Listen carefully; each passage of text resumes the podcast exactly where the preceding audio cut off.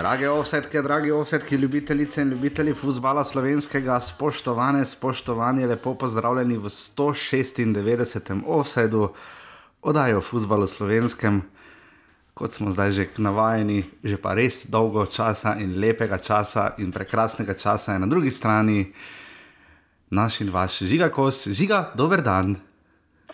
Dobro jutro, dober dan, vsak dan. Nekako tak. Žiga, um, kaj počneš v življenju? Kaj zdaj počnem v življenju? Ja, kaj zdaj počneš v življenju? Ja, te dni. Ja, teka, ta, ta karantena, no, ja, ta me je čisto izjevala. Ja, nisi edini, nisi edini, vedno huje po svoje jene. Vedno huje je, ja.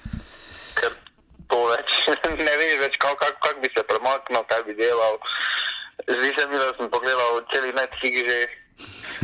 Ja, Tako da zdaj, zdaj hvala Bogu, da se je Beloruska liga vrnila. No. Ja, Belorusi brcajo. Za vikend lahko gledal sem. Tudi v Burundiju, mislim, da še brcajo. eh, V Turčiji so do nedavnega, eh, TV Slovenija je imela tudi zadnjič prispevek, da so tudi v Rusiji še do nedavnega brcali. Mislim, da prejšnji vikend, ne ta minuli, ampak tisti prejšnji, kjer so navijači zeni, da v Sankt Petersburgu uh, skandirali, vsi bomo umrli. ne. Ta je bil nogometni tip humorja, je pa žiga res, da na Netflix prihaja, mimo grede, druga sezona uh, Sunderland Tila Daj, ne, če še niste pogledali. Uh, če mislite, da upanje umira zadnje, ni res, uh, zadnji umira Sunderland. Ne. Si gledal prvo sezono? sem gledal prvo sezono. Je ja. bila, je bila kar v redu, ne? Ja, čeprav od Amazona City mi je bila bolj všečna. Ja, čeprav kritiki, ne, tisti, ki tako nogometni kot televizijski, in se mislim, da jim kar moram dati tu prav, da je tisto je bilo vseeno spolirano. Ne. Nismo namreč videli, kako kak zares je šla sezona takrat napak Manchester Cityju, ko se jim je zgodil tisti hud poraz na Enfieldu. Tam se mi zdi vseeno, da. Pep Guardiola, ko mu ne gre, ne spomnimo se njegove tiskovke v Madridu, ko je pač govoril, ko je preklinjal celo. Ne, se mi vseeno zdi, da niso prikazali čisto vsega, ne, podobno kot mis Amerikana v dokumentarcu Taylor Swift. Ne.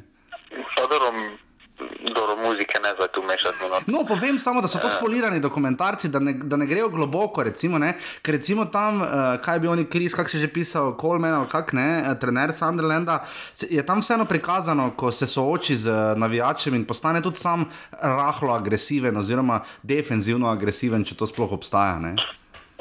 Pa dobro, meni se zdi, da nekatere stvari pravilno, da ne ostanejo razkrite, no, vseeno je treba razumeti uh, City ali pa Sunderland.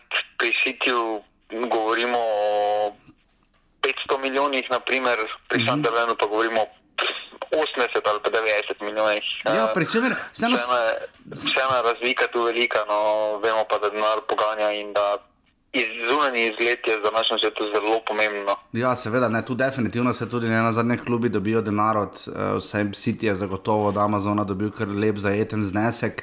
Ne pozabimo, na Boxing Day letos Amazon celo ima ekskluzivne pravice za Premier League ne, eh, in zelo skuša prodreti na ta trg. Ampak, eh, žiga, če se malo z Netflixom poigrava, sicer Netflix je do zdaj, kar se tiče, eh, ali pa HBO, recimo, kar se tiče našega prostora, Slovenije, seveda še niso prodrli, so pa kupili recimo novine Hrvaške. Ne. Če bi se Netflix lotil dokumentarca uh, podobnega v stilu ali pa Amazon, recimo, Amazon se mi zdi, bi se lotil Olimpije, njene zgodbe, Netflix bi se pa lotil verjetno Maribora in zlati, zlat, zla, zlasti Zlatka Zahoviča. Ne. Mislim, da bi se opadla najprej Zlatka Zahoviča oziroma ja, Jana Oblaka ali pa Čeferina Lotla. Potem bi pa šla na klubski nogomet pogledati karkoli zanimivega. Uh, katera, se, katera, Ampak, eh, katera serija bi imela žiga več? Amazon bi jaz predlagal zavrč. No. Za, definitivno za Zavrča, danes še pridemo Zavrč, to bi bilo, to bi bilo za res sladokuse ali pa še hulu bi se tega lotil. Žiga, katera serija bi imela več sezon, ta Milana Mandariča ali Zlatka Zahoviča? Ne vem, če bom mandariš 13 sezon zdržal. to je res, ampak veš, se bi lahko združili, ampak kakorkoli bomo morda v prihodnih tednih, kadarkoli se bo nogomet vrnil, naredili tudi seznam eh, najboljših filmov, serij, lahko seveda tudi sami predlagate, kaj ste gledali v skupino Passivni Offside. Eh, danes imamo gosta po dolgem času. Eh, V bistvu je kar tudi sam pisal, kontaktiral, uh, če bi kdo rad sodeloval, da je kar z veseljem. Uh, javil se nam je Tomaš Suder, komentator Planet TV-ja. Uh, sva se kasneje pogovarjala uh, tudi o stvarih, ki bo žiga omenjala, torej o statusu, o vprašanju. Uh, samostojnega podjetništva oziroma uh, statusa samozaposlenih v nogometu, tega je kar veliko, uh, pa potem o samem novinarstvu, terminu tekem, kaj bo, ko bo, če bo, nekaj je seveda tu večinoma špekuliranja, glede na to, kakšna je trenutno situacija. Ampak uh, ja, v vsakem primeru, uh, morda žiga za začetek, morda bomo tudi enkrat dan že ta Tomiča poklicali. Uh, kaj je bil tvoj prvi računalniški špil, oziroma lahko je tudi. Video igra za računalnik, lahko je na konzolo, uh, lahko je Gameboy. Uh, kaj je bilo prvo, kaj je bil prvi futbalski špil, ki si ga igral? FIFA 99, tu nekje. A, vidiš, ja, ti si kar lahko zgodaj začel, mi smo morali pozno. Moja prva je bila FIFA 95 in sicer na Sega Mega Drive 2. Ne? Uh, ker je v bistvu, da si dal gol, je bila v bistvu ena finta, mislim, da si moral C-tipko pritiskati ali nekaj takega. Ampak uh, potem pa moram reči, da sem kar hitro nekako izgubil, um, nekako nostalgik sem hitro postal in mi. Uh, In mi eni špili potem niso sedeli, res da pesmi nikoli recimo ni uh, dobro del. No. Ti si tu bil, si imel kakšne dileme med Pro Evolution Soccer in FIFA? Ne, nisem imel FIFA za mene. Potem pa je prišel football manager in si ugotovil, in football, žiga, koliko je football manager vplival na to, da si postal del offside. sem šel gledati prvi futbol menedžer, sem odigral 2014, odigral sem ga 369 ur, sem igral to igrico. Okay. Uh, tako da, ne vem, neki drugi pogled ima tisto FIFA je. Zdaj, tudi za mene, za malo mlajše generacije. No. Mm -hmm. Ja, zagotovo. No. Jaz mislim, pač, je pa res, da FIFA, da football manager ne dejansko primeri sveta obstajajo, da so ljudje tako face šprudlali to igro, da so potem. Uh, Celo nekateri sami poskušali tu trenerske vode. Uh, bral sem enkrat sjajno reportažo o ljudeh, ki se od igre dobro že notorično in že na meji še tistega, kar je recimo temu zdravorazumskega, pa nič proti tistim, ki igro igrate do nemoglosti, ampak pač nekje vseeno je meja, ne? nekateri so pustili službe zaradi football menedžerja in tako naprej, to mislim, da je vseeno pretirano. Ampak uh, žiga, koliko ti ta špil da, jaz ga namreč, jaz nekrat. Uh, Nekaj podobnega, ampak je bil FIFA Soccer Manager, en PC špil, dolgo nazaj igral, Football Managerja pa v bistvu praktično nikoli. Parkrat sem samo pogledal, kak je igra videti. Ampak koliko ti lahko da da, kaj, kaj, kaj se največ naučiš od football managerja po tvojem?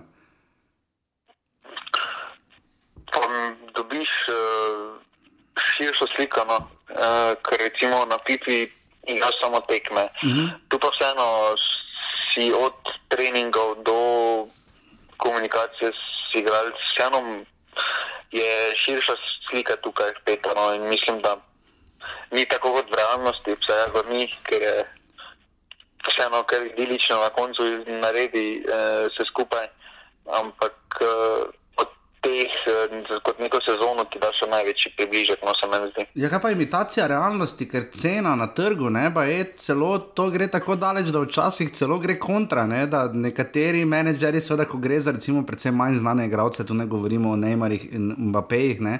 Uh, da se celo včasih na football menedžerju kaj išče, ne? koliko je tu odslikava realnosti, koliko morda football menedžer presega realnost. Pa dobro, mislim, da zdaj v teh sezonah, kar lahko povem za slovensko ligo, oziroma prvo sezono, je, da so kar realno ocenili uh -huh. uh, igralce moči nekaterih klubov. Mislim, da tukaj tudi realno, tudi pri meni je rudar skončal gladko na zadnjem mestu. uh, Tako da mislim, da,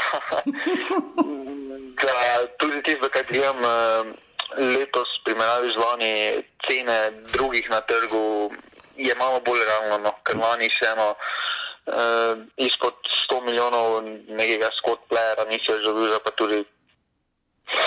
Ja. Že najdeš. No. Ja, definitivno. Uh, in že kaj narediš, kakšen karakter uh, football menedžerja si, ko pridejo igravci in, se, in imajo pritožbo uh, in se bunijo zaradi ali igranja ali prestopov ali česa drugega. Kako reagiraš, kakšen si kot uh, menedžer? Odvisno od njegovega statusa v ekipi. Vredo, če pride Marko Stavares. Z Markosom nisem dobro se razumela. Niste se dobro razumela. Ampak, ampak, ampak ne zaradi igralnega časa. Okay. Ampak eh, to še morda je priporočljivo, da morda najprej tisti, ki začenjajo, verjamem, da poslušalci igro dobro poznajo, verjetno vsi boljše kot jaz. Ampak je priporočljivo začeti eh, z svojim klubom, z tistim, ki ga najboljše poznaš, z lokalnim klubom. Je to boljša, slabša plat, kaj bi rekel? Pa dobro, mislim, da torej, nima nekega pliva. Fajn je mogoče začeti s kakim srednjim klubom, da počasi prideš na to nivo, da imaš neki izziv, če štartaš uh, z neko Barcelono, uh, ki je kaj uh, osvojiš Champions League, pa narediš neko prenovo, pa, več nimaš nekih ambicij, vseeno pa neki postopek uh, naprej. Mislim, da je smiselno, pa tudi tega v neki Barceloni je veliko več. Uh, drugega dela kot z enim, kot z eno tabor Sežana ali Mariborom uh, in prideš postopoma do tistega nivoja. No? Ja, definitivno. Uh, offside seveda lahko podprete na urbane.si pošiljnica offside. Hvala čisto vsem, ki to počnete še naprej v teh dneh, dneh če zmorete toliko boljše. Hvala Davidu za donacijo prejšnji teden, ganjen in iskreno hvaležen, če to zmorete, urbane.si pošiljnica offside, prav tako pa sva zelo vesela, če se oglasite v skupino Pastuni Offside. Uh, in upam, da bosta uh, svojo interno komunikacijo žiga kos in naš redni poslušalec in občasni sodelavec Smiljan Kuhar uh, še pogosteje preselila tudi tja. Uh, to je res zanimivo čtivo, dame in gospodje, offsetke in offsetki. Uh, to je tisto, kar offset promovira, seveda do neke zdravo razumske meje. Uh, je pa res, da morate slediti, ker če samo za hip stran pogledate, pridete nazaj in najdete 67 neodgovorjenih sporočil. Tako da uh, vsekakor. Ne, mislim, da zdaj, zdaj več ni tako zanimivo, ker je po 8 dnev v karanteni, kot kaže Smiljan, prišel pamet in se večinom in, in se več strinja z mano. No. Ja, pa še nekaj je, ne? če ni teke, mora ne more zgubiti. Ne? Ja. in rodar ne more zmagati. Uh, Dič, gremo zdaj na današnje teme in potem še sledi na našni gost Tomaš Cuder.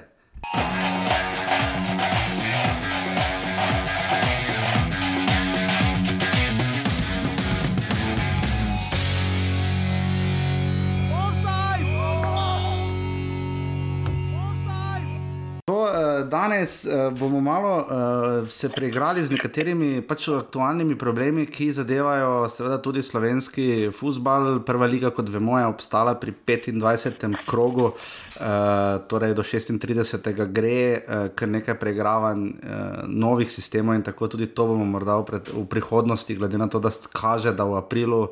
Tako kot zdaj kaže, res ne bomo v aprilu gledali no, futbola, ker namreč žiga, moja prva današnja vprašanja je, uh, Recimo, če bi zdaj hipotetično v roku tedna dni država rekla, ok, ukinjamo karanteno, verjetno se nogomet ne bi takoj začel. Uh, mislim, pomisleki iz vidika fizične priprave in težave pri poškodbah igralcev bi bile zelo na mestu. Ne?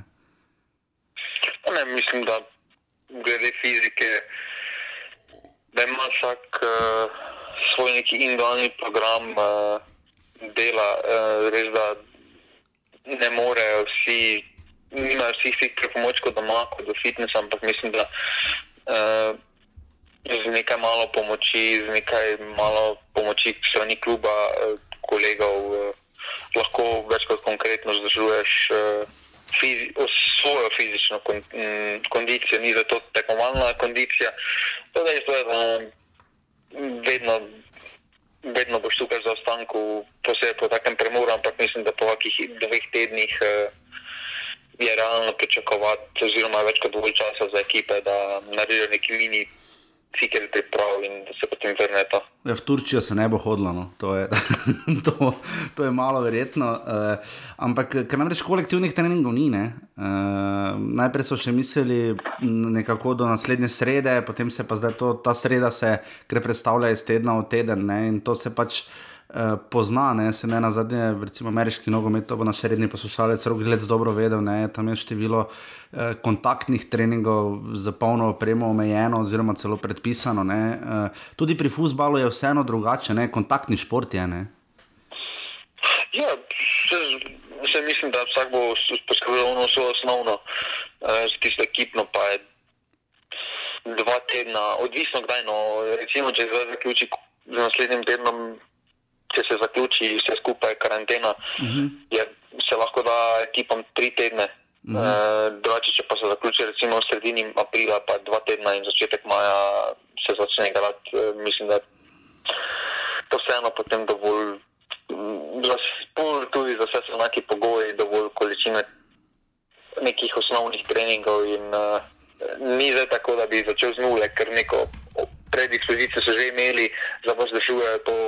Uh, podobno je, tako se lahko s tem, da takrat lahko žogo treniraš, tu pa ne moreš še kikno trenirati, uh, ampak vseeno potem dva tedna se da, kaj, se da marsikaj narediti. No.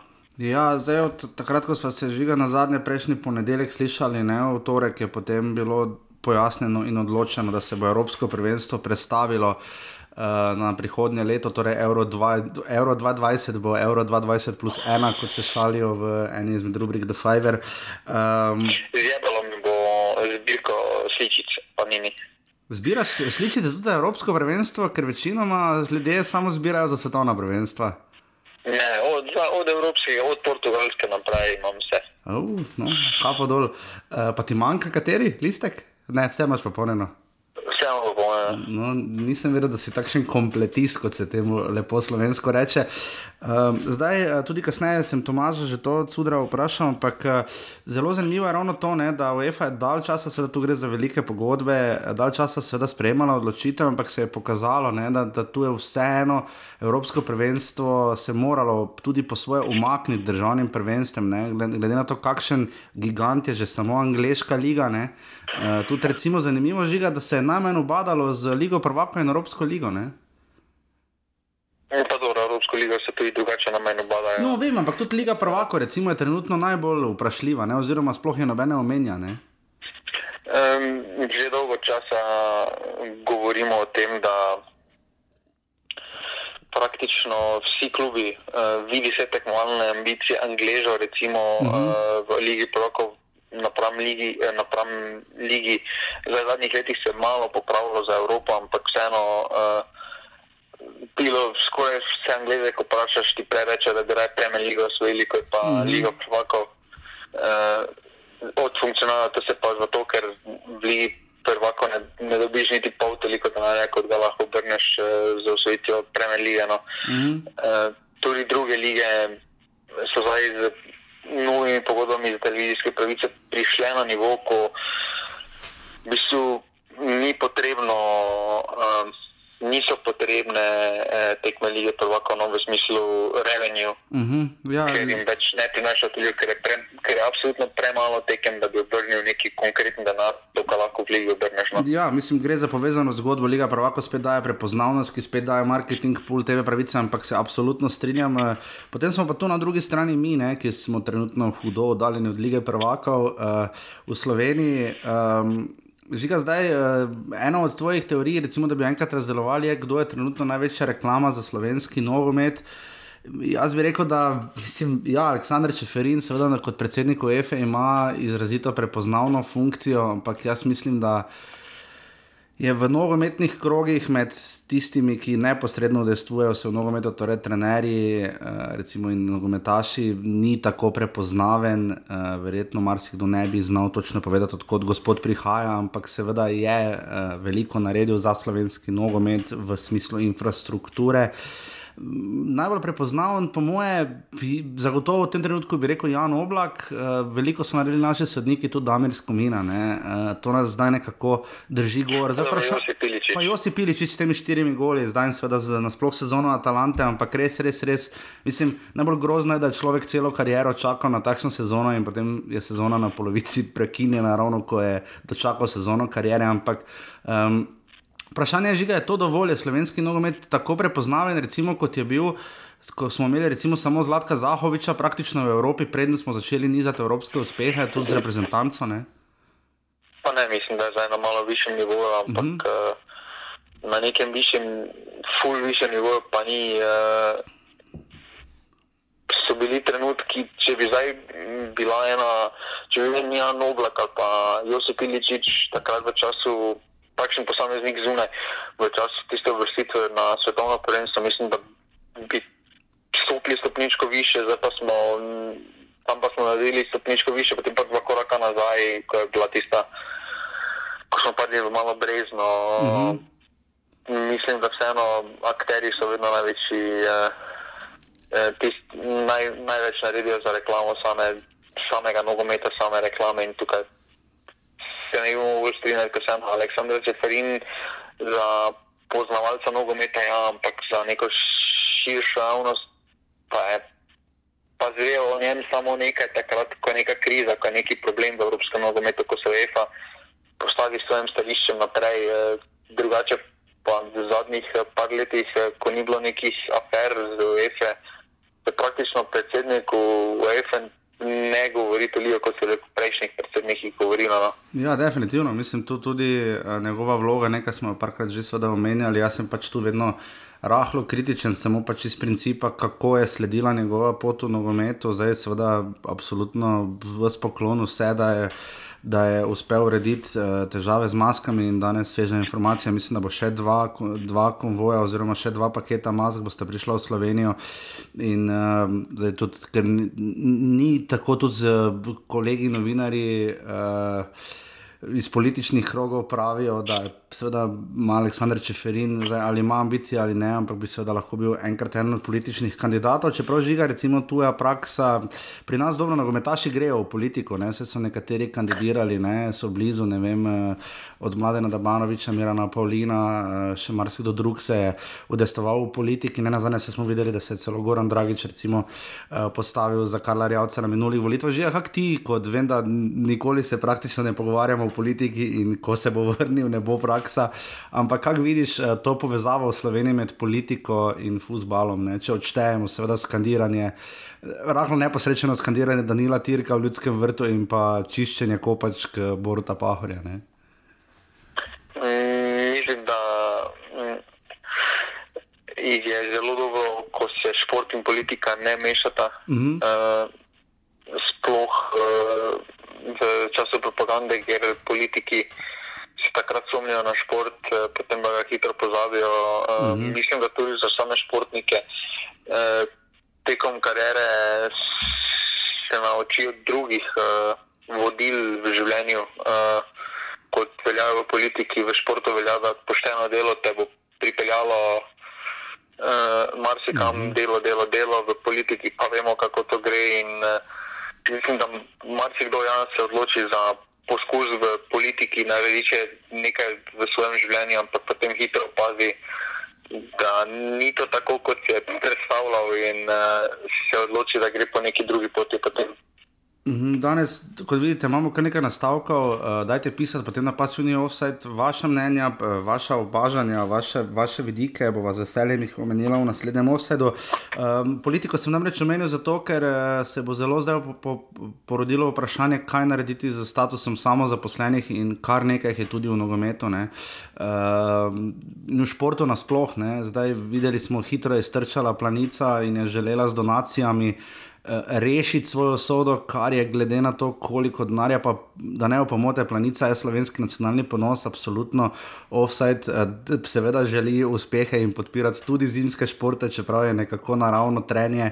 Eh, narava stvari, pa ne da bi sami tega želeli med zimskimi športi in okroglim usnjem, ampak um, da naj bi bila neka frikcija, ampak seveda tudi mi radi spremljamo skoke, vsaj jasno.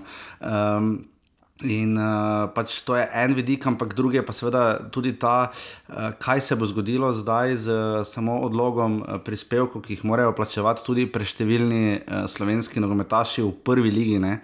Niti predstavljati ne znam, kaj se bo zgodilo v nižjih ligah in klubih, društvih navzdol po piramidalni strukturi slovenskega nogometa.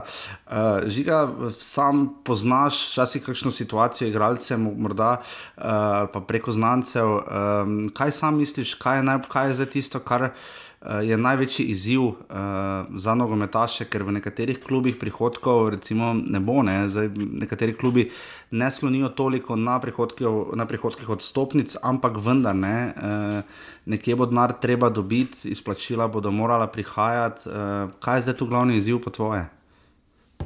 Dobro, zdaj, če tudi v tem času mm, bodo dobili nekaj izplačila, Ja, če se država zdaj uh, nesmiselno spet uh, govori o tem, kaj bi država morala, kaj ne, vsi vemo, uh mhm. -huh. da v tem primeru se mislim, da vsi strinjamo, da s tem spoštovanjem do starejših uh, kriznega zadka upokojenci ne potrebujejo, ker se za njih čisto nič ni spremenilo. Uh -huh. uh, krizni zadek potrebujejo malo podjetja, SPL-ci. Uh, Ampak pustimo, to je za eno, dve urno dajo. Vem, vem, vem. Uh, Um, mislim, da vseeno, uh, če izplačila ne dobiš, da je ena izmed opcij, da če imaš vse plačila, vsa, vsa, vse obveznosti poravnane, da pa zapreš še spet za to obdobje mm. uh, do novega, potem pa ga ponovno odpreš, mm -hmm. to je ena izmed opcij.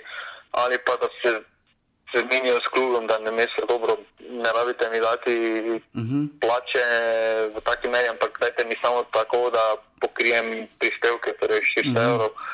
Uh, in to je to, mislim, da neki dogovor um, se bo uspel najti v večini sredin, no, ker se eno, uh, je pa potem vprašanje, kaj se bo z večino sredin zgodilo s pogodbami sponzorjev, no, ker v nekem kratkoročnem obdobju vsekakor bodo vsi sponzorji probali zniževati sredstva, ker uh, zelo se je, da smo bili prišli iz ene krize Slovenci, pa uh -huh. bomo zdaj stopili v naslednjo. Uh -huh. uh, in mislim, da bo tu večji problem, bolj dolgoročno kot ta SP, uh, uh -huh. ker uh, klubi uh, vemo, da v slovenskem nogometu še največ živete druge kot od sponzorjev. Uh -huh. Zdaj pa, če bo na primeru Maribor račena Sava zmanjša za 250 jurjev, recimo, ali pa uh -huh. 100 jurjev sponzorska sredstva, nastane že kar problemi, da ne govorimo o drugih klubih, no, ker so še bolj vezani na to.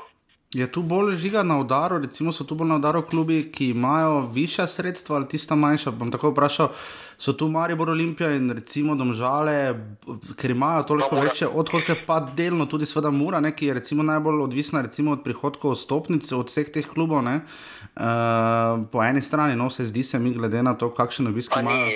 Glede na sponzore, ki jih imajo poleg tega, drži, drži ampak predstavlja pa verjetno med, najbolj, verjetno pa med temi klubi verjetno najbolj pomemben je del, mislim, je pomembnejši del stopnice oziroma prihodkov. Stopnicami so si stolpe zgradili. Definitivno. Uh, ker drugi del vprašanja je bil, ali bo to udarilo ta manjše klube, recimo ne zlasti kot so, vem, Alumini, uh, dobro, Rudar je tako ali tako v svoji zgodbi, ampak recimo Alumini, tudi delno bravo, ne, uh, je to zelo odvisen, uh, ko, ko so klubi odvisni praktično od enega ali dveh sponzorjev. Ne? Pa, ne, mislim, da ne, ker je to razmerje. Uh, tisti klubi, ki imajo več, uh, da imajo više pogodbe, igralci imajo več pogodb. Uh, ampak tisti klubi, ki pa imajo manj sredstev, pa imajo niže, niže pogodbe, manj pogodb. Mm. Mislim, da to ne so razmerje in da bo na čisto vse enako vplivalo. No? Ker, se pravi, v slovenskem nogometu nekih velikih skrivnosti ni, pa po moje uh, tudi vsi imajo več ali manj enak, približen enak delež uh, svojega proračuna, koliko ga namenijo za plače. No, mislim, da tu mm -hmm. nekega večjih odstopanj do kakih uh, ni, tako kot so v tujini, recimo primer v španski ligi ali ja, ja. Mm -hmm. angliški ligi, kjer top klubi plačujejo po 30% več. Uh, po 50% več proračuna namenijo kot manjši klubi. Mislim, da v Sloveniji take velike razlike več ni. No. Ker ja. vseeno se mi zdi, da tudi Maribor Olimpija, pa tudi Domžale črtajo te nepotrebne stroške, nižajo pogodbe in uh, se vidi to tudi na ovom. To se ne bo odražalo na kvaliteti. No. Ja, definitivno. Uh, Predem dam besedo Tomažu, da vam besedo Tomažu Cudru. Uh, morda še to, tudi zdaj, ne same članarine, nogometne šole, to se je tudi vse ostavilo. Uh, ko bo ta zagon enkrat uh, moral zalaufati, to bo gneča in z vsem, koliko se žiga ta pozna, ta del ne nogometne šole, prekinjene sezone uh, v posameznih klubih, ne, sej, ne nazadnje deluješ v športu. Uh, To se verjetno vse fejsti in zelo pozna. So lahko recimo sami klubi, uh, morda dobro v prvi slovenski ligi zaenkrat, verjetno zagotovo ne, ampak so lahko ponekod celo klubi ogroženi kot njihov obstoj, kot njihovo financiranje, njihova samobitnost. Ne? Odvisno, kako dolgo bo trajalo. No. Nekaj mm -hmm. časa, neke manjše sredine, vsega, ko so lahko od tega zelo ogrožene. No, ker, mm -hmm. tako si povedal, zdaj ni dobenega prihodka od nogometnih šol, mm -hmm. praktično nič, nič ne ustvarjaš, nimaš svojih igralcev, niti. No, ne moreš jih niti pokazati. Zdaj, najhuje je, mislim, da celjanom no, v tem pogledu, ki mm -hmm. se igrajo res mnogo dober nogomet, eh, lahko marsikoga prodali, eh, pa to ne za mali denar. Eh, potem pa to, mm zdaj, kako boš igralca pokazal, eh, ne moreš ga. Mm, tudi na druge klube v tujini bo to vplivalo, sponzorska sredstva ne bodo več takšna. Mm -hmm. eh, ne bo več imeli toliko denarja za prestope in tukaj mislim, da Slovenija na dolgi rok bo ogromno izgubila, no, ker v zadnjem času je bilo res ogromno prestopov v takšne sredine, kjer si vedel, da si lahko privoščijo samo 100-200 jurjev, recimo ena Poljska. Mm -hmm. uh, zdaj mislim, da tega več tam ne bo, no, ker mm -hmm. uh, gospodarstvo bo padlo. In Bo na, bo na račun tega, eh, teh malih prstopov, ki jih je v zadnjem času bilo vedno več, neke srednje lige. Uh mhm. -huh. Meni se zdi, da bo malo manj, ali bo šel 500 prič više, ali pa ne bo šel nikamor. No. Ja, prestopi, ali ne vem, rok sirk, nik lorbek, teh to vrstnih prestopov. Ja, ja, ja. Mm. ti v to, to vrstni prestopi, ti dvomim, da se bodo v tolikšni meri zdaj dogajali. No. Ja, bo... V zadnjem letu je bil res bum glede tega, no, veliko prestopov se je zgodilo. Mm -hmm. Ja, ne, na zadnje imamo na polskem ne, celo plejado, koliko 14 ali 15 igralcev, recimo, ne ravno tega ranga, ne, tja ni šlo noben. Ja, mislim, da če bi kriza prišla prej, da si Damen Bohar ne bi našel kluba. Verjetno ne, je pa možno, da bi pa potem to dvignilo, veš, uh, Tako kot pravijo eni, da zakaj v 90-ih letih bil nekoliko kvalitetnejši nogomet, ali pa vse recimo, da smo videli vse te igralce dalj časa igrati doma, ker je bilo pač število tujcev omejeno, takrat z pač političnimi odločitvami oziroma zakonodajami.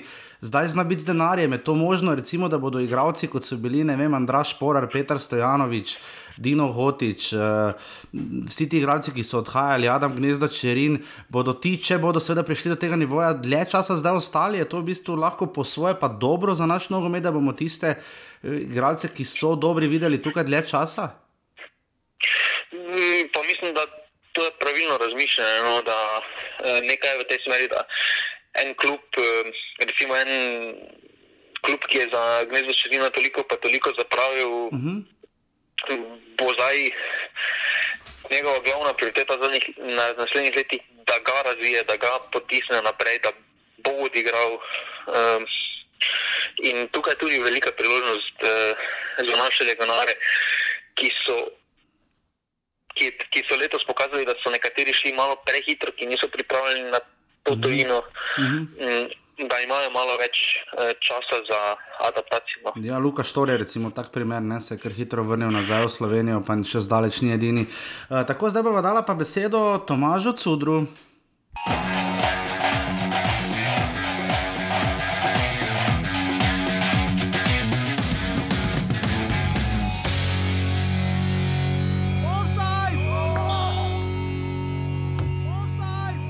Čas veselje in ponos nam je, da lahko znova gostimo uh, Tomaža, Tomija Cudra, uh, najdete ga seveda. Uh, marsikje, no, praktično vseh kanalih, eh, poslušalci Ovseda, pa ga seveda poznate iz prenosov naše in vaše prve lige Telekom Slovenije. Tomaš je bil že gost naše oddaje 183. Offsida, takrat smo ugotovili, da nas je naučil, kako uh, izgovarjamo priimke. Uh, kakšnega sežanskega nogometaša, in tako naprej. Uh, dajte mu priložnost, tokrat pa še enkrat, Tomaš, zdravo, servus. Ja, po lepo zdrav vsem poslušalkam in poslušalcem Offseda, pa tudi tebi, Jaša in pa tudi Žigi, lepo zdrav iz, karant iz karantenovca, bom rekel. Ne? Ja, vsi smo v karantenovcu in še do nadaljnega bomo. Uh, Tomaš, tebi je bilo kar hitro dolg čas, ko ni bilo nogometa, ne? Uh, neizmerno, uh, šele čez par dni se dejansko človek zave, uh, kako velika in pomembna stvar je nogomet, ampak ne samo nogomet, šport na splošno. Vemo, da res za stadioni v Sloveniji niso bili polni, uh, ponekod bolj, ponekod manj, uh mhm. -huh. ampak mislim, da bo zdaj uh, iz tega koronavirusa sledila tudi bolj pozitivna zgodba in da bodo morda stadioni uh, na račun te nehvaležne uh, zadeve morda celo bolj polni v prihodnosti. Ja, po eni strani, pač, ko pride neka taka velika kriza, ko pridejo potresi in vse drugo, je nogomet med praktično res najmanj pomembnimi stvarmi, ampak hkrati pa vidimo tudi, koliko nam pomeni, v bistvu, uh, kako ga lahko začnemo pogrešati. Pa naj bo še tako insignifikanten, je lahko precej pomemben v neki svoji. Tej neki sferi, ki nam je ponuja druženje, mnenje, ne? ker ni samo tistih 90 minut gledanja, kako nekdo brca žogo. Ne? Ja, se ravno ta, bom rekel, psihoza, ki se bo počasi stopnjevala. Upam, da bo čim več ljudi ohranilo mirne živce, da bodo strpni in seveda z enakim ciljem, da čim hitreje, seveda, nogometaši stečejo nazaj na zelenice, pa tudi, da se druženje vrne v tiste normalne tokove. Tako da, ja, predvsem pa bi rad upozoril na to, da mi, mi lahko tudi športnikom, kajti vemo, ko si navaden trenirati dvakrat na dan, šestkrat, sedemkrat na teden, biti v ekipnem duhu. Zdaj so fanti, seveda, vsak na svojem, v, v karanteni, imajo sicer individualne programe, komunikacija s trenerji je seveda na dnevni bazi, ampak vseeno uh, je stvar zelo zapletena, kajti ko se bo to končalo, bo zelo. -hmm težko za fante spet se vrniti v tisti tekmovalni pogon, uh, funkcionirati na zelenici, tako kot so bili vajeni, kot je bilo v življenju normalno. Mm. Predvsem pa bi upozoril še na eno stvar, o kateri sem razmišljal zadnje dni intenzivno. Vemo, kakšna uh, skrb uh, je zdaj prisotna, kar se tiče samo zaposlenih. Moram mm. povedati nekaj. Ne?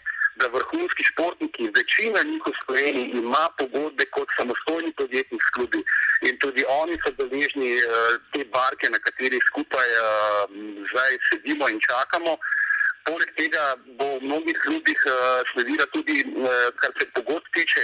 Mnogi nogometaši imajo pogodbe do 30. junija, recimo, ali pa mm -hmm. do srede junija, ko se prvenstva ponovadi že zaključujejo. Tako da tukaj je še toliko odprtih vprašanj, na katere pa mislim, da ta trenutek nima nihče odgovora. Ja, Tomaš, sam si že nekaj omenil, uh, da si bil v stiku, se preverja, znano je, seveda lahko včasih rečemo in govorimo tudi celo o SP ligi. Ne?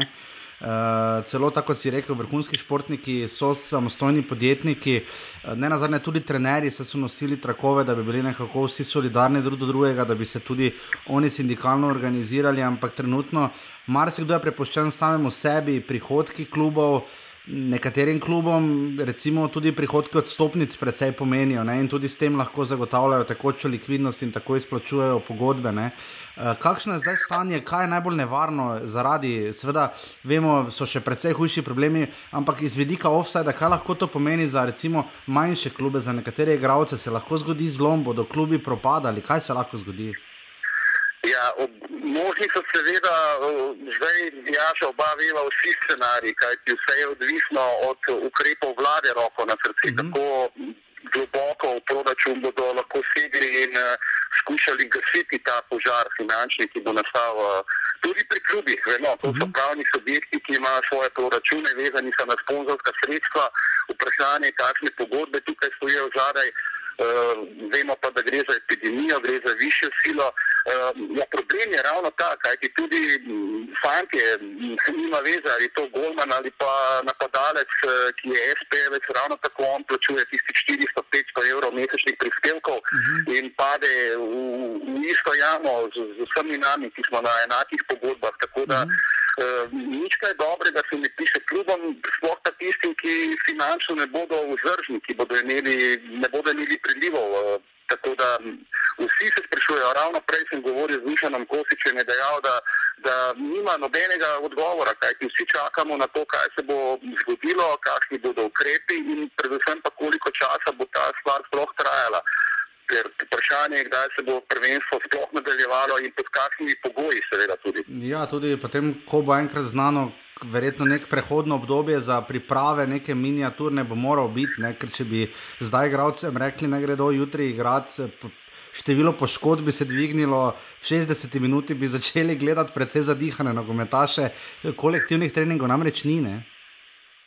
Tako je, pa tudi uh, trenerji, oziroma tisti, ki skrbijo za telesno pripravo, so malce v skrbeh, kako bo tudi posledično lahko s poškodbami. Kaj uh -huh. vemo, da je telesna pripravljenost nogometašev zelo vezana na, na to komponento, na, to, na ta riziko, na, na te posledice, ki se lahko zgodijo potem na igrišču. Tako da tukaj je tisoč in eno vprašanje, s katerimi se zdaj ukvarjajo in obadajo fanti, trenerji. Seveda pa bo ogromno dialoga potem potrebnega, saj tako predvidevam, uh, strani Spinsa, torej sindikata mm -hmm. nogometnih igralcev, uh, nogometašev, uh, nogometne zveze Slovenije, v sklopu tudi z UEFA, kako bodo nekako reševali te stvari, kar se tiče pogodb uh, in vsega tega, kar potem posledično privede do. Do, do teh uh, ugibanj, uh, negotovosti, ki je prisotna ne samo pri športu, ampak pri vseh, ki smo dejansko zdaj na tem planetu. Ja, zdaj v tujini, včeraj sem videl zanimiv posnetek, uh, mislim, na športu televizije Slovenije, kako so še tekme igrali v Rusiji, ker so navijači iz Zenita, mislim, da v Sankt Peterburgu um, skandirali, vsi bomo umrli od virusa, uh, ampak cinič, cin, cinizem na stran. Bral sem, da recimo v Angliji, da v nižjih ligah, torej recimo od tretjega, tret, tretje tretjega nivoja na vzdolj, da se bodo nogometaši morali navaditi na vsaj 50% niže prihodke. Ne. Verjetno si ne znava niti predstavljati, kaj to pomeni še le za drugo ali tretjo ligo. Ne. Lahko se zgodi, da bo tam padlo na popolni amaterizem. Ne. Seveda pa tudi nogometna društva, kjer se pobira članarina za vse mlajše selekcije in tako naprej. To je domino efekt, eh, jaz temu tako pravim, uh mhm. eh, -huh. tisti najbolj, najbolj črn, najbolj nesramen ki ga bomo pač pričali v prihodnih mesecih ali pa upam, da, uh mhm. -huh. upam, da tednih, no? uh mhm. -huh. ampak vseeno bodimo pozitivni. Hotel sem povedati še to, mi je na misel prišlo, recimo ena stvar mi ni ravno všeč bila, kar se tiče tekme, recimo ravno Atalanta, Valencija. Uh -huh. uh, vemo, da je v Italiji, v Bergamo, ravno Bergamo, ja. ne, zato to omenjam, uh -huh. uh, so pač odigrali tekmo poln stadion na San Siru v Milanu. Uh, gosti so bili iz Španije, pa zdaj vidimo dejansko, da kje sta največji žarišči vsega tega. Ja, pa tista bila še prva tekma, ne? potem so šli nogometaši Bergama, ne? ki so seveda lahko tudi nogometaši, so seveda tudi prenašalci, to smo lepo videli, so potem šli še pa na gostovanje v Valencijo, res da je stadion bil prazen. Ne? Ampak nogometaši ja, Valencije so morali v karanteno. Ne, zbirali, ne vem, ljudje iz cele Evrope, praktično, mm -hmm. ki so bili tam kot turisti in šli na ogled tekmo, ja. oziroma navijati pred mm -hmm. stadion. Tako da veliko stvari je tukaj malce kontradiktornih. Mm -hmm. uh, morda ta stvar, ko sem uh, se pripravljal, takrat, ko je bil derbi, pa sem poizvedoval, recimo na televizijo Slovenija, letos se niso odločili za predstavitev Emene. Uh, Eh, pokazalo se je, da to morda ni bilo najboljše. Ta ema je bila, recimo, ki je soopadala z derbijem uh, Maribora in Olimpije, ki je bil prenašan na planeti Vejo. Uh, se je izkazalo, da očitno ni bilo, naj, ni bilo najbolje, ker gledanost je bila eme najnižja v zadnjih vsaj petih letih. Uh, Uh, verjetno je to pokazatelj, da se je nogomet, ko se je zdaj vrnil uh, po zimi, pa vse to z Olimpijo, pa vsi premagajo vse na vrhu menjave, Zahovič odide iz Maribora. Verjetno je nogomet ravno zdaj začel spet nekako je zalaufal, po domače rečeno, kar se tiče gledanosti.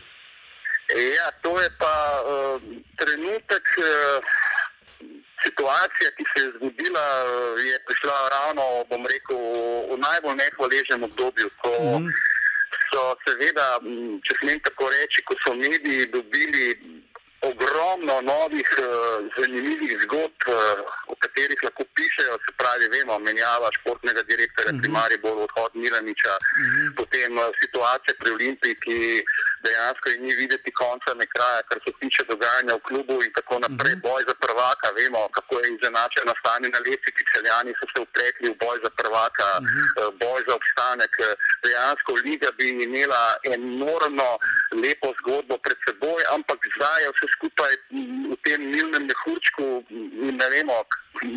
Tukaj tudi ne vem, sploh je obstaja oseba na svetu, ki ima mhm. odgovor na to, kaj bo, kako bo in pa uh, kakšne bodo posledice ne samo za našo ligo, za šport nasploh v Sloveniji. Zdaj, Tomaš, iz letošnje sezone, recimo, lahko zdaj približno vse oceniš, ne? kako je za laufat sezono nogometno na novo. Poletje je premor res da kratek, ampak je termin zelo zgoden, tekme so sredi julija in je, in je svoje vrste izziv uh, spraviti gledalce in na stadion, in prav tako pred televizijske zaslone. In potem je tu še zima, ne? ko nekako pozabimo, da, ne, da nogomet obstaja. Potem mu je v bistvu derbi, mu naredi reklamo. Uh, kakšen bi ta tretji zagon, recimo v maju, bil, če bi se recimo prvenstvo začelo zgodaj maja? Ne? Ja, če, kako bi rekel, uh, mladen deliš, da ti reči pozlatile. Uh, upamo vsi, seveda, da se prvenstvo začne, nadaljuje maja meseca. To bi bilo, bom rekel, -hmm. za mhm. vse, tudi za, za klube, za televizijske pravice, za, za nas, recimo za planet TV, ki prenašamo tekme, -hmm. bi bilo to nekaj res izjemnega. Je pa seveda. O dveh stvarih sem razmišljal. Razmišljal sem najprej o tej stvari, kakšni bodo ukrepi, tudi ko bo uh, konec te epidemije, oziroma ko bo razglašeno neko normalno stanje, ko bo prišlo do nekega uh, stand-byja, da bodo mm -hmm. ljudje se lahko spet znova družili, ali bodo dovolili, da se ljudje lahko udeležujejo ogledati nekaj na stadionih, ali bodo lahko morda igrali igralci samo pred praznimi tribunami.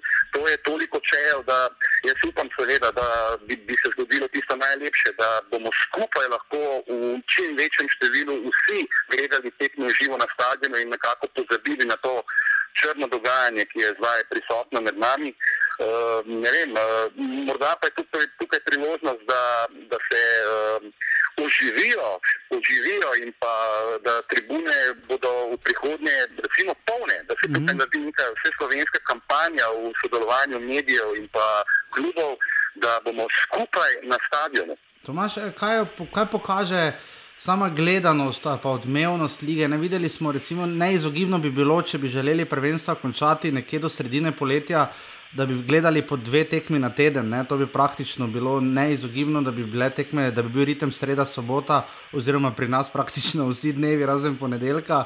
Uh, kaj misliš, da, kaj, kaj, se, kaj ste tu ugotovili? Ne? Ker zdaj, ko se je prvenstvo vrnilo, je bilo pet tekem, 15, je bilo pet krogov v, mislim, da 15 dneh. Uh, kaj tu pokaže, ker termini videli smo četrtek ob pol treh, torek ob štirih in podobno. Ne? Ja, to termini so bom rekel, nekakšna rak rana. Uh -huh. Vse to je moje, moje osebno skromno mnenje, da ne bo pomote. Ja. Uh, vemo pa, sicer veliko je bilo govora o tem. V teh terminih. Ena stvar je, oba dobro veva, reflektori so, niso. Potem uh -huh sami, same ure terminov tudi odvisne od uh, ostalih evropskih lig in tako naprej. Plus od programskih schem posameznih televizij. Se, se pa strinjam, morda, da bi včasih lahko se termini premaknili vsaj na kakšno bolj dogledno uro, ko lahko človek normalno po šistu, po domače rečeno, se odpravi še na stadion, mm. gleda tekmo. Ampak tukaj, ne vem, pač tukaj so stvari malce bolj zapletene, so tukaj odločitve programskih mm. direktorjev, programskih yeah. Ja. schem, nogometne zveze in vseh ostalih. Tako da, ne vem, to je stvar, ki je verjetno potrebna malce bolj detaljnega, globjega razmisleka in potem nekako probati stvari mm. stabilizirati, prilagoditi željam gledalcem v prihodnje. Ja, ker čeprav je bil tempo kar zdaj hud, ko se je prvenstvo nadaljevalo, je Ligi v bistvu to pa svoje koristilo. Odmevnost je bila precejšna, nekako je fokus bil res na fusbalu. Ampak vseeno, sem pa presenečen tudi nad tem, da vseeno slovenska liga, koliko uh, vsi govorijo, da ni mhm. gledana, da ni spremljena. To, s tem se jaz ne bi strinjal. Drži, drži, absolutno. Nogomet, nogomet do dobiva na priljubljenosti. Konec koncev, en zanimiv podatek sem izbrskal tudi, da si ogromno število ljudi ogleda tudi vrhunce tekem, recimo uh -huh. na mhm. YouTubu in tako uh mhm. -huh. naprej. Mislim na uradnih kanalih, seveda, uh mhm. -huh. ne, ne na ja, ja, ja. privatnih zadevah. Uh -huh. uh, tako da tudi tam so številke, kar bom rekel, za slovenske razmere, kar lepe, zanimive, uh, pa tudi tekne, seveda. Glede na razplet lige so bile solidno gledane, glede na vemo, koliko programov danes ponujajo vsi operaterji. No, absolutno, morda to imaš še to, ne, uh, ta naš del, uh, kaj tu računaš, da se bo zgodilo. Za samo medijsko sceno, kar nekaj nas je, ki smo samostojni podjetniki, uh, in vprašanje, kaj bo, vsi dobro vemo, da zgolj odlog plačila prispevkov ne bo dovolj, če ne bo nobenih prihodkov, bomo pač ljudje morali zapreti in vprašanje, kako bo ta dejavnost zalaufala. Bral sem Nirvan Journalist Lab, Harvardova šola je veliko analizirala recimo zdajšnje stanje pri poročanju o športu v Ameriki. Ker je bojazen ta, da bodo ugotovili, ugotovili posamezni mediji, v bistvu, da se da delati zgodbe tudi drugače, da bo to drastično vplivalo na pokrivanje samih tekem in tako naprej.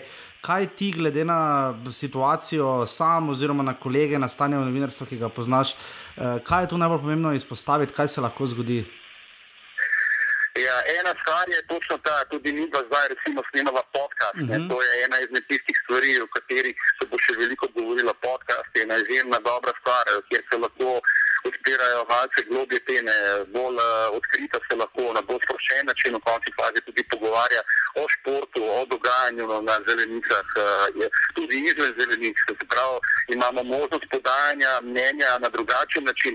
Mislim pa, da recimo lahko privedete do tega. Uh, tudi to je ena izmed mojih uh, ugibanj, oziroma ne ugibanj, bom raje rekel, uh, idej, razmišljam, da se znajo tudi sposobni športni novinari nekako povezati med sabo, uh -huh. uh, ustvariti neke spletne platforme, podcast, uh, strani, tudi v končni fazi podcast studije, kjer se lahko da, bom rekel, za nek dogleden uložek tudi delati kvalitetne vsebine. Uh, tega bo vedno več, tudi na spletu, če sam pogledaš, vidiš, da določeni športni novinari, ugledni novinari, imajo že svoje športne oddaje, svoje uh, rubrike in tako naprej. Ostalo, kar pa je, so pa športni prenosi v živo. In tudi tukaj s prihodom vem, da nekateri kritizirajo te dve tehnologije, uh mhm. -huh. bo seveda uh, športni prenos uh, še dobil na ceni, uh, še več na veljavi. Uh, govori se o tem, da naj bi tudi angliško premier ligo prodajali za zelo masne denarje, pay-per-view oziroma na ogled, da si bo lahko dejansko človek ogledal vsako tekmo po želji, zato plačeval seveda neko članarino, pristojnino in tako naprej. In vprašanje, kako bo tudi s tem v prihodnje pri nas v Sloveniji, mm -hmm. kako bomo šli s časom, s tokom te digitalizacije, vsega mhm. tega v prihodnosti.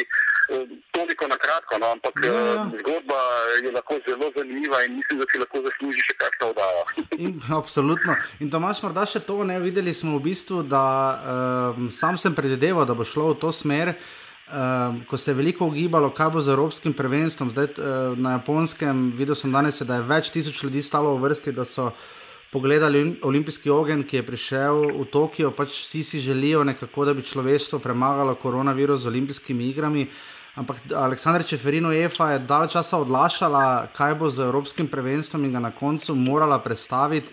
Eh, liga prvakov in Evropska liga sta padla popolnoma v drugi plan, in zdaj vidimo, da so praktično državna prvenstva tista, ki so pač osnova vsega. In dobro vemo, da predvsem bi tu Angleži, ne, glede na silovite milijardne vložke, ki so za TV pravice, pač tukaj še UEFA, niti UEFA ne more konkurirati, ne na zadnje je pa UEFA mlajša od vseh panožnih nacionalnih zvez nogometnih po Evropi. In tu smo videli, da je prvenstvo kralj in enako velja tudi za Slovenijo. Ne. Ja, se tudi. Uh, ja, Predsednik UEFA, Čeferin, eh, Aleksandr je na izjavah za slovenske javne televizije dejal, da enostavno je prioriteta Evropske nogometne zveze, da se najprej zaključijo prvenstva. Uh -huh. Seveda, posledično so temu predstavili tudi evro in tako naprej.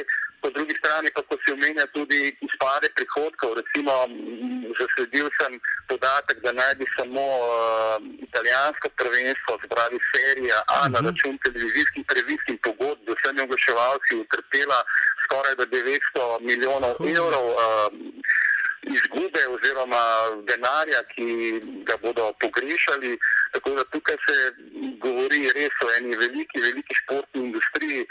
Ampak vse to ni nobena skrivnost, vsi vemo, da tudi Aleksandr Čeferin je vodja, mhm. če lahko tako rečem, podjetja, ki obrača milijarde evrov z vsemi multinacionalkami, ki sponzorirajo te velika tekmovanja. Ampak mene bolj zanima predvsem to, kako bo pri nas v domovini v Sloveniji in upam, da bo tudi tukaj ministrstvo, ki je pristojno za to, šlo tukaj uh, na pomoč. Predvsem pa imam tudi recimo, neko idejo, recimo športna loterija Slovenije, športne stave in tako naprej. Morda bi tam lahko kakšen procent recimo, dvignili, uh -huh. uh, pribili zraven, pa uh -huh. bi se iz tistega recimo financirala. Športna scena, ampak vemo, šport v Sloveniji ni samo nogomet, tukaj je še na tisoče drugih društv, mm. od karlinga do seveda nogometa. Ja, da, da ne omenjamo še kulture in vseh drugih eh, društv. Tomaš, samo še to mi povej. Uh, zadnjič smo ugotovili z žigo, da je rudar, seveda tisti, ki mu je uh, ta prekinitev prvenstva prišla verjetno daleč, najbolj prav. Uh, res pa, da s tem agonijo lahko samo podaljšajo. Potem je pa tu že Maribor.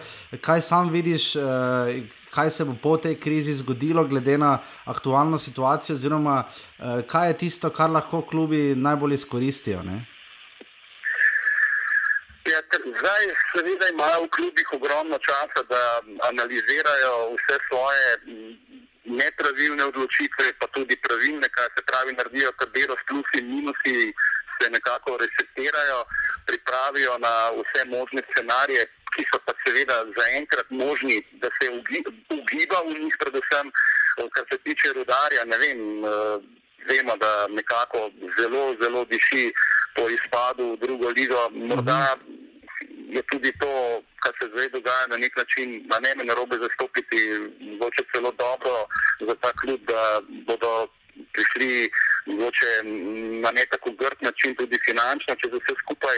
Uh, ne vem, uh, pri Mariboru to vprašanje, kako bo seveda nova ekipa prijela za delo in kaj lahko ponudijo v tem času, zdaj, ki je, je na voljo. Ampak vse vemo, ekipe so razpuščene zdaj uh, na vsaki nogometaši na svojem koncu ne vem, kako dejansko bo to tudi s komunikacijo v prvi vrsti z mm -hmm. nogometaši in kako bo, če se stvar zavleče. Vse pravim, uh, ogromno vprašanj se bo pojavilo. Upam, da ne 30. junija. Ja, tudi jaz. Tomaš, najlepša hvala, da si bil znova naš gost in seveda upam, da spet v kratkem, ne, po, po mojem, v tistem norem tempu, ki si ga seveda vsi znova želimo, da se bo čim prej zgodil nekje tam, čim prej, ko bo leto možno. Tako da hvala, da si bil znova gost offside. Ja, hvala in uh, ostanimo skupaj na razen. To je to. Hvala, adijo. adijo.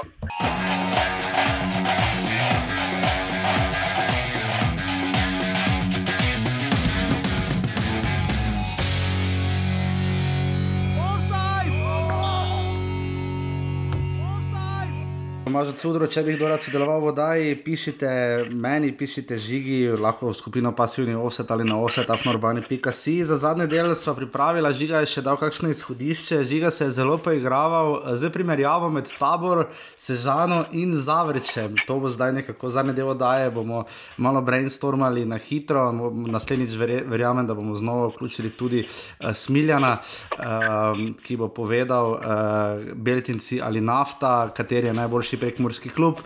Uh, žiga, um, zakaj si tabor pa zavrč primerjal? Kje si, kje si iskal sporednice? Pa, mm, zdaj od dolg časa gledam na YouTubu veliko posnetkov tekem eh, oziroma reportaž in dosti krat. Uh, Prijem na zavrč, zavrč Olimpija, zavrč Maribor, okay. sploh završke tekme so bile vedno pestre v zavrču uh mhm. -huh. in si zato z veseljem pogledam vrhunce za nazaj. Ja, noro, poglejte, se splača, res to je super pogled. Sploh na tekmo Zavrč, Maribor 2-1, ko je dal Maribor vse tri gole. Pa tudi za v ljudskem vrtu, vse so tudi v Ljubljani, se enkrat ni dal tam Rijera ali nekdo škaricami gol. Rijera, ja, tam so zmagali, potem v ljudskem vrtu 3-3 tekmo. Ja, ja, ja. To so bile, to so bile res tekme. Ampak pa tudi pokal, recimo Maribor, Zavrč ponuja veliko.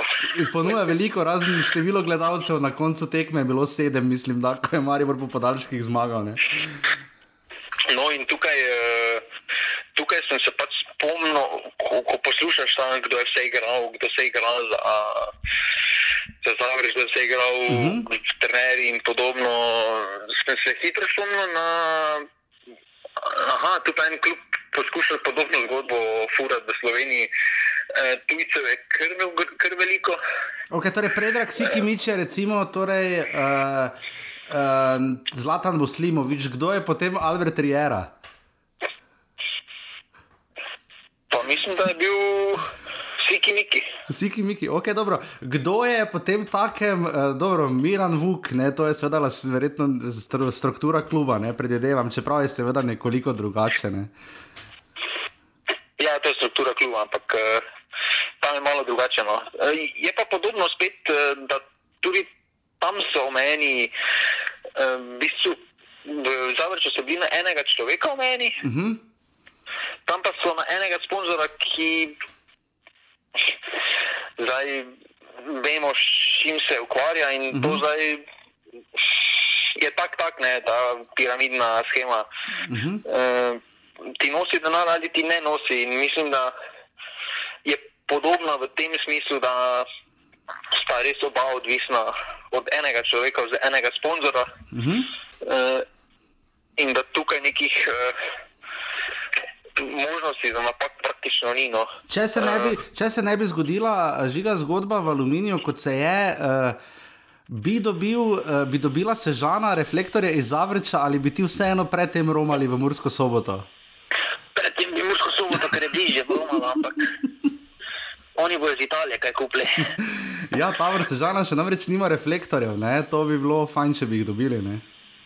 Ne, pa tako eh, z malega mesta, poskus veliko tujcev, ker na koncu, ko pogledamo, ja, Zavrč je dal nekaj slovenskemu nogometu, sploh v smislu Ja, gled Aleksa Piklerja. ne. popestritve, po, popestritve lige in podobno, mm -hmm. ampak ko pogledaš, eh, koliko slovenskih igralcev so ustvarili, je številka skoraj nula. No. Ja, Aleksa Eh, Piklerja, ne? če se spomniš, eh, če se spomnimo, tako golmane so imeli slovenske bolj kot neoslužene, uh Mhm. -huh. ampak od teh, eh, ki trenutno neko večjo vlogo igrajo v slovenskih klubih, jaz se spomnim osebno samo Pihlera. Mhm, Od Pichlerja. slovenskih igralcev, ki je tam neki pečat pa iz Zavrča prišel. Ja, ostali so Ostalo- večinoma bili tujci. Ja. Matjašič, ja, je prišel v Rezonca preko Ja, Zavrča, je. ampak kaj pa potem naredil v Ameriko šel, pa nič ni naredil. No. Ja, to, to, Uh, nekaj dosti slovenskemu nogometu, razen tiste popestritve, žal niso dali in se bojim, da bo v, da bo v Sežani enako, no, ker vseeno je prestara ekipa, eh, preveč odsluženih igralcev in za tisti obstanek, to, kaj jim je cilj, je več kot dovoljno, ker slovenska liga bazira na nekih izkušnjah, ki je dovolj že ti pol dela opravljenega, ampak eh, od takih klubov pričakujem nekaj več, nekaj, nekaj v stilu uh, Bravota, recimo, ker če pogledamo Bravota ekipo, ti igralci bodo dali nekaj slovenskemu nogometu na dolgi rok. ja, definitivno. Recimo Lauro Cvek je bil še eno tistih, ne, ampak se je potem no, ja. hitro izgubil. Ne, recimo, uh, če spomnim na postavo, ki je premagala Maribor, uh, v vratih je bil Bajza, potem pa.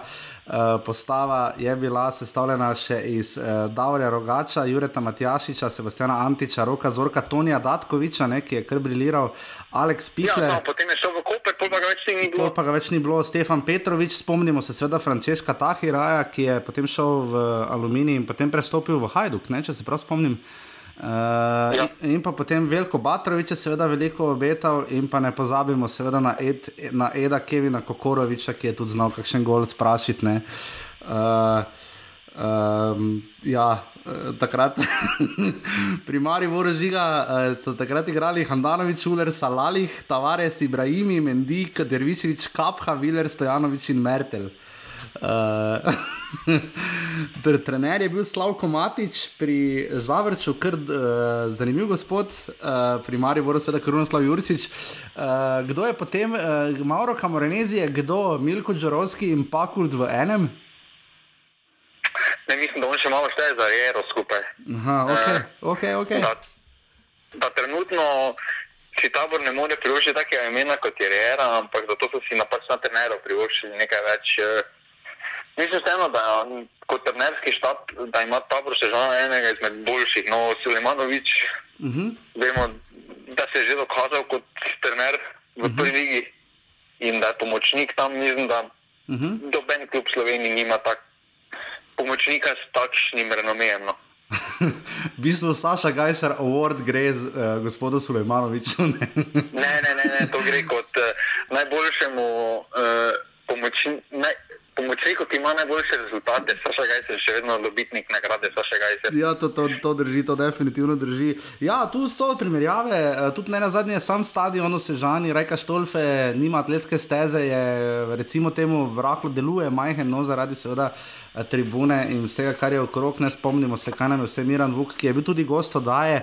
Uh, se spomnim takrat, ko sem bila z Renejem uh, na tisti tekmi, mislim, da Zavrč Gorica, um, ko smo se odpeljali v Provanco slovenskega futbola. Uh, je nam takrat Miram Vuk kazal vse tiste načrte in nekaj igrišč so tudi zgradili, in Zavrč je potem prišel, mislim, da do Super lige, to je, mislim, prva MNZ liga. Ne, uh, Na tujskem koncu, in mislim, da se jim je potem tam zdaj kar pošteno ustavilo, in uh, je to približno to, ampak kolikor vem, se še kar trudijo na tistem prekrasnem, majhnem stadionu na koncu.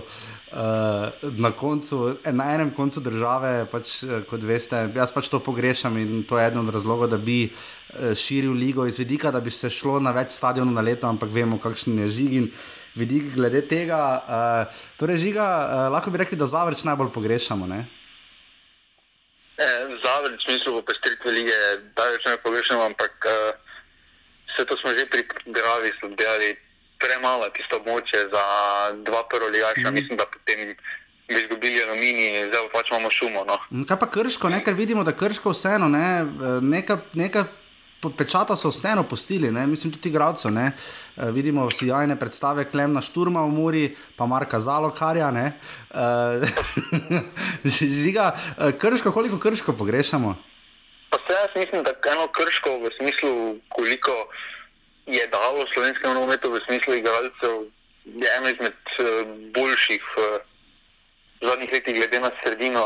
Mislim, da bi še jih vedno spremljali v prvi ligi, če ne bi prišlo do tiste vseeno grde zgodbe, potem uh, uh -huh. nogometna šola, klubska šola, um, ko se je šlo za denar. Mislim, da so pač par napačnih odločitev potegnili in pripeljali vse skupaj tako daleč so se skupaj reševali preko medijev, ampak v smislu, koliko so dali slovenskemu nogometu, v smislu igralcev, v smislu uh, publike, neke popestritve, so super, so bili super. No, in tukaj je vedno bilo zanimivo, enega dolinca bi rabili. No, in tukaj samo je vprašanje, kdo je sedaj tisti klub. Uh, ki gre dol, ker dejstvo je, da Koper pride gor, torej še en klub je treba najti, mm -hmm. ki ga vnostil. Ampak tu mislim, da v desetčlanski ligi, ko so vse sredine stabilizirane, um, da je krško bolj ta prehodni klub, ki bo prišlo v prvo ligo, pa bo potem dve, tri sezone, odvisno od generacije, se zadržalo, potem pa bo spet šlo dol in mm. tam mhm. tri sezone, dokler ne bojo prišli nove generacije. Ja, zdaj je zanimivo, ne? to smo na začetku sezone že omenjali. Liga je trenutno geografsko gledano, če bi postavili točko Geos. Uh, Mislim, da sicer bi se morala točka premakniti uh, zaradi slovensko-hrvaške meje, ko bo, če bo, ko bo. Ampak če bi slo, iskali geo slovenskega nogometa, bi ta bil zelo na vzhodu. Uh, Liga je izrazito, slovensk, slo, karta Slovenije je zelo nagnjena na vzhod, kar je sicer dobro za nas, ki se, iz, recimo, znajo, ko se z Marijo voziva na tekme. Uh, ampak kje na zahodu bi še našli klube, ne? sej Gorenska, recimo, razen Triglava, če bi šli severne je nikoli ni imela, prvo ligaša, bled jesenice, sicer jesenice so oba kluba sta zdaj prišla v pokalu, prvi krok ali drugi, celo mislim, da enkrat bled. Uh, ampak potem na primorskem pa smo že večkrat omenjali in Gorico, ne, ki je tista, pa primorje, seveda, ker nekaj klubov je bilo uh, in je to počasi potem tudi to, kar se tiče. Um, razporeditve žiga. Morda naslednjič uh, se morda lahko sprehodimo skozi sisteme, ki jih je Slovenija preigravala, torej število klubov in dvokrožni, trikrožni, liga za prvaka, liga za obstanek in zdaj štirikrožni sistem. Žiga, ti si še vedno prepričan, da je ta sistem, ki ga imamo, najboljši? Uh, v tej obliki, ja, ker. 12 klubov, 3 krožni sistem, ne, potem moraš iti pač preprosto na 18 klubov, pa dvokrožni sistem, pa, pa vemo, kako bi izgledala prva liga. No. Ja, uh, zdaj, kakšni belgijski sistemi, srpski sistemi, to slovencem nam to ni blizu. Jaz se tiste lige, kar spomnim za obstanek, za prvaka. Za, in... Lige, ja, ampak potem pa, ko imajo Belgijci ono razigravanje, pa to, to še ni jasno, kako nekako to prideš, tako tako. Pa ono, to še ni jasno, kaj bo še le potem nam to jasno. In mislim, da to v tem prostoru ne. Je pa problem tudi, da uh, če bom če iščeš, eh, kot se menimo. Če bomo šli potem na Ligo 12, bomo to ugotovili, da ni, pa bomo šli spet na Ligo 10 nazaj. To je preveč mejev sistema, je to za, za publiko in eh, težko slediš, eh, niti jasno, kaj zdaj to pomeni, kaj ne, kaj je ono. Eh, in je to malo preveč. Eh, potem se res mora neki dolgoročni načrt narediti, kar pa vemo, da slovenskem nogometu glih ne gre. Eh, ker prej se je omenjala, omenjala predsedstvo, bo prišlo z novo idejo, uh mhm. -huh. bo neki nov načrt, eh, ni neke dolgoročne vizije in tukaj mislim, da naj furamo to ligo desetih, pa štiri kožne s tem, dokler le gre. No. Ja, to se strinjam. Zdaj, eno od popestritev bi zagotovo bil že zadnji, sem to enkrat omenil, bil pokal, ne? Eh, tako kot so ga v Španiji naredili ali pa kot je narejeno v Nemčiji. Pokal bi recimo lahko tu nadomestil tisto, da grejo veliki klubi k malim klubom, k tradicionalnim klubom, ki so nekoč, ki še vedno tvorijo nek kolektivni spomin slovenskega nogometa od nafte, primorje, krka, rudar, trbovlje in podobno. Uh, tu, uh, upam, da sem zdaj pravega rudarja omenil, mislim, da sem jaz, rudar, trbovlje, zagorje, seveda derbi. Uh, tu mogoče se mi zdi, da bi lahko nekako uh, NZS noter spravil uh, na nek način, ker se mi vseeno zdi pač naveličani, smo en in drugi, glede na to, da izpade samo en klub, pa, pa še to, mislim, en klub. Mora izpasti, potem pride en noter, ta razporeditev se mi zdi nekako, ker vidimo žiga, da klubi, ki prihajajo v prvo ligo, nimajo takšnih težav, da bi z obstankom v ligi vsaj po dve, tri sezone. Ne? Ja, potem, ko prideš v ta noter sistem, uh, tisto prvo sezono, če zdržiš, uh, kar večin, kar klub ali zdrži na neko euforijo ali pa neko kvaliteto, ki jo ima, mhm. -huh. potem povedno en pride, ki je novi in ga lahko ti podvače povedano furaš. Uh, ampak uh, ta nemški sistem super, ja, ampak eh, problem pri nas je, da en tretji ligaš ali četrti ligaš, tako kot Nemčiji, nima prvo kot prvo niti take primerne infrastrukture, da bi zaslužil to tekmo. Uh mhm. -huh. Drugo kot drugo, stroški varovanja so potem, če pije en Maribor ali Olimpija, takšni, da se jim bolj splača igrati tekmo za zaprtimi vrati, ker kaj, Nemčiji. Potem pride Bayern v tretjo ligo, napolnijo 10.000 ljudi, prodajo toliko, toliko litrov piva, klobas in podobno, in mm. da služijo svojo tekmo v Sloveniji. Yes, to žal ni mogoče. Ja, če bi bila tekma v sredo, 15. augusta, ob pol treh, ne pol nisi naredil nič. Ne. Ja, ker ima, oni imajo takrat vseeno za vikend. Ja. Rezerviran en mm, vikend. Mm. Ja, definitivno se strinjam. Eh, ker zanimivo, ravno sem tukaj vmes pregledal, namreč radoble, recimo, so bile kar dvakrat zapored, tak primer, ne, v štirih letih so dvakrat napredovali oziroma dvakrat izpadli iz prve lige. Sicer pa, če se spomnimo klubov, ki so na zadnje, odkar delamo offset, prihajali v prvo ligo, recimo predtem Zavrč je ostal kaj štiri sezone, Krško mislim, da tudi štiri, uh, Aluminij je zdaj že praktično koliko tri, tri štiri sezone, prav, prav tako uh, Mura se bo seveda obdržala. Uh, Zdaj, naslednji taki kandidat, recimo, ki bi res izpadel iz lige in bi ga potem pozabili, nam bi bil Krka. Triglav recimo, je zdržal dodatne kvalifikacije uh, in tu vidimo, da nekih teh težav zaenkrat ni. Bravo, recimo, je lahko ta kandidat, čeprav se zaenkrat dobro drži. Ne? Ja, trenutno, ko se potem v enem svetu realno bravo, da ni v prvi ligi. No. Uh -huh. uh, je neki drugi, je sredini druge lige, ki je odvisno od generacije ali cilja na vrh ali se drži tam neki sredini in mislim, da to je njihov realni domet.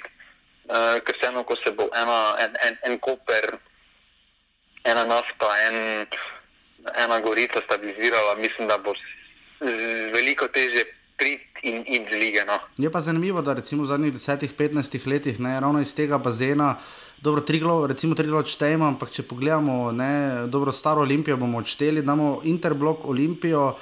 Radomlje, domžale, recimo, ne, ki dobro so zdaj standardni član, pa še bravo, ne, to je kar pet klubov, pa še dob bi moral biti šesti, pa je takrat odklonil sodelovanje v prvi ligi. Ne. Kaj to pove, morda za konec, eh, ob koncu da je, kaj to pove, da se tam tudi tam lažje speljati neko prvo ligaško zgodbo zaradi financ, razvoja gospodarstva, ker to je kar šest klubov ne, na zelo majhnem prostoru. To niti Štajerska regija ne premore, pa vemo, da, je, da ima največ recimo klubov v MNZ-u.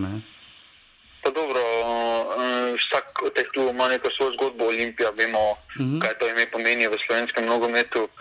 Uh, potem pa ne, da žale, uh, bi bile ta klub, ki bi prihajala iz prve v drugo ligo, ampak uh, pametno so izkoristili takrat tisto krizo, uh mhm. -huh. pa, ne, pa niso naslova osvojili na račun krize, zaslužili so si na igrišču, takrat so bili najboljši.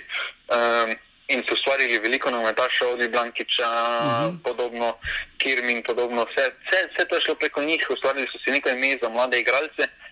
In potem so začeli graditi na teh mladih igralcih in so prišli pač preko tega do statusa, eh, da so zdaj stabilni prvi ligaš. Eh, vprašanje, kaj bi se zgodilo, če takrat ne bi osvojili naslovov. Če bi takrat spluli nekje v začetku, bi se nevedna zgodba, da bi žal drugače odvila, no bi zdaj še niže bili kot so, po moje, ampak uh, letošnja sezona, ne generalno gledano. Ja, ja. Uh, Interblok, uh, privatni projekt, vemo, kako se je končal, vemo, kako se je začel, mm -hmm. uh, s kom, uh, kaj je bil njegov namen. Uh, v Sloveniji je vedno tako, da en investitor ima neki drug uh, cilj, da mu ni nogomet prvi cilj, da vedno ima tako kot je imel Pečečnik, je imel Bežigrad, Mandarič je imel druge, mm. v Kopru in v, tukaj, in mm. v Ljubljani ima druge. Uh, en se pravi, en bravo, pa pač Pluto, tako kot je, radomlje. Radomlje so pa to, kaj je, to, kaj bi lahko, to, kaj je bravo, trenutno za Maribor, so bile radomlje tam žalomno, ker če se pogleda. Mm -hmm. uh, Ko sem gledal malo tekom, zdaj tudi za nazaj, uh, hitro se pozabi, da uh, Jure Balkovec je začel svojo prvo ligaško pot, uh mhm. -huh. je bil prav posojen v Rodomlje in je uh -huh. tam odigral celotno sezono. No. Uh -huh. uh, tako da domžale so pač izkoristili to bližino, so se povezale, to kaj v Sloveniji je zelo težko in zato um, poklon tistemu tudi delu Slovenije, no, da so zmožni sodelovati in ena rodom ne razume, kje so jim itve in kje ne. No. Mm ja, in so ne na zadnje spet, pol, so tokrat celo v polfinalu pokala, kot če tako daj bo.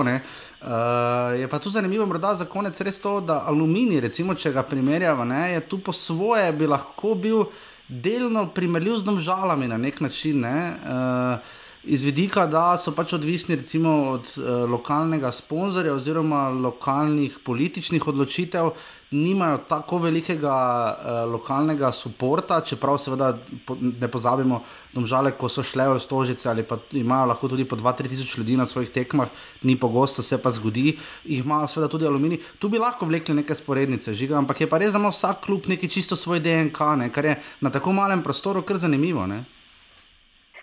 Uh, ja, kako smo imeli uh, veliko različnih karakterov, veliko različnih idej. Mm. In to dela slovensko ligo tako zanimivo, ko rečemo, pač, da lahko eh, vsak vsakega premaga. V Angliji lahko rečeš, pa Sloveniji vidimo na teh primerih, eh, da na gostovanjih eh, res ni varnih. No, da mm. bilo kdo kam pride. Eh, ali to mari bo ali Olimpija ali Mura, eh, da je vedno težko igrati v gostih v slovenski ligi, eh, zaradi specifik ali zaradi igrišč ali zaradi mm.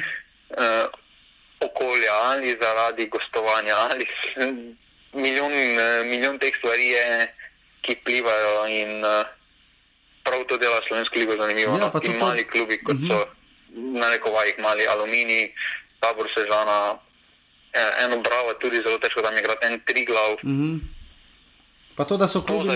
Slovenskemu nogometu. Pa da so klubi ne na zadnje organizirani, oziroma njihov stroj, težave in pre, pre, prednosti in slabosti so si precej različne. Vsak klub je zelo samo svoj v organizacijski strukturi, kako se financira. Uh, uh, od česa živi, uh, kaj pomeni v lokalnem okolju. Ne? Praktično, le že Marijo in Olimpija si ne bi mogla biti bolj različna. Uh, ali pa recimo tudi Bravo in tri glavne. Recimo, pač zelo, zelo različni so klubi pri nas. Ne? Pa dobro, s tem um, spolnom Maribora se je pač nekaj pavlo v Sloveniji, um, ko se reče lokalna, lokalni patriotizem. Mm -hmm. pred, tem, pred to dominacijo Maribora, če si vprašal tako. Po večini, če je vprašal anketo, so ljudi bi dobil, da jim je bilo 70% praktično vseeno, uh -huh. kdo je prvak od teh klubov mhm. -huh. ali ima jih bolj Olimpija. Ja, ja, ja. uh, zdaj pa vseeno se razvija ta neki lokalni patriotizem. Uh, že v Aluminiju se to vidi. Veliko, veliko zaslug na ta račun gre seveda tudi Muri, ki je še bolj razvila slovenska uh -huh. javnost. Uh -huh. uh, ampak vseeno zdi se mi tudi, da ta vrstežano je ta zavednost vedno večja, bravo, vedno večja, vidimo, da ima eno iz boljših obiskov. Uh -huh. uh, trenutno samo to pada v, v recimo v, v Velenju, ker pač uh -huh. vemo, to je pa tudi oddaja. To je tudi tema, mogoče za naslednji svet. In kaj se je zalomilo pri dodaru? Ja, ker pač to je res zanimivo, da tam tiste neke eksplozije ni bilo, pa so imeli ne samo dobre rezultate, šli so v Evropo, imeli so sjajno. Imeli so tudi sjajno postavo, ne? imeli so Johna Merija, imeli so enega najboljših napadalcev, tudi zanimiv nogomet so igrali. Ne?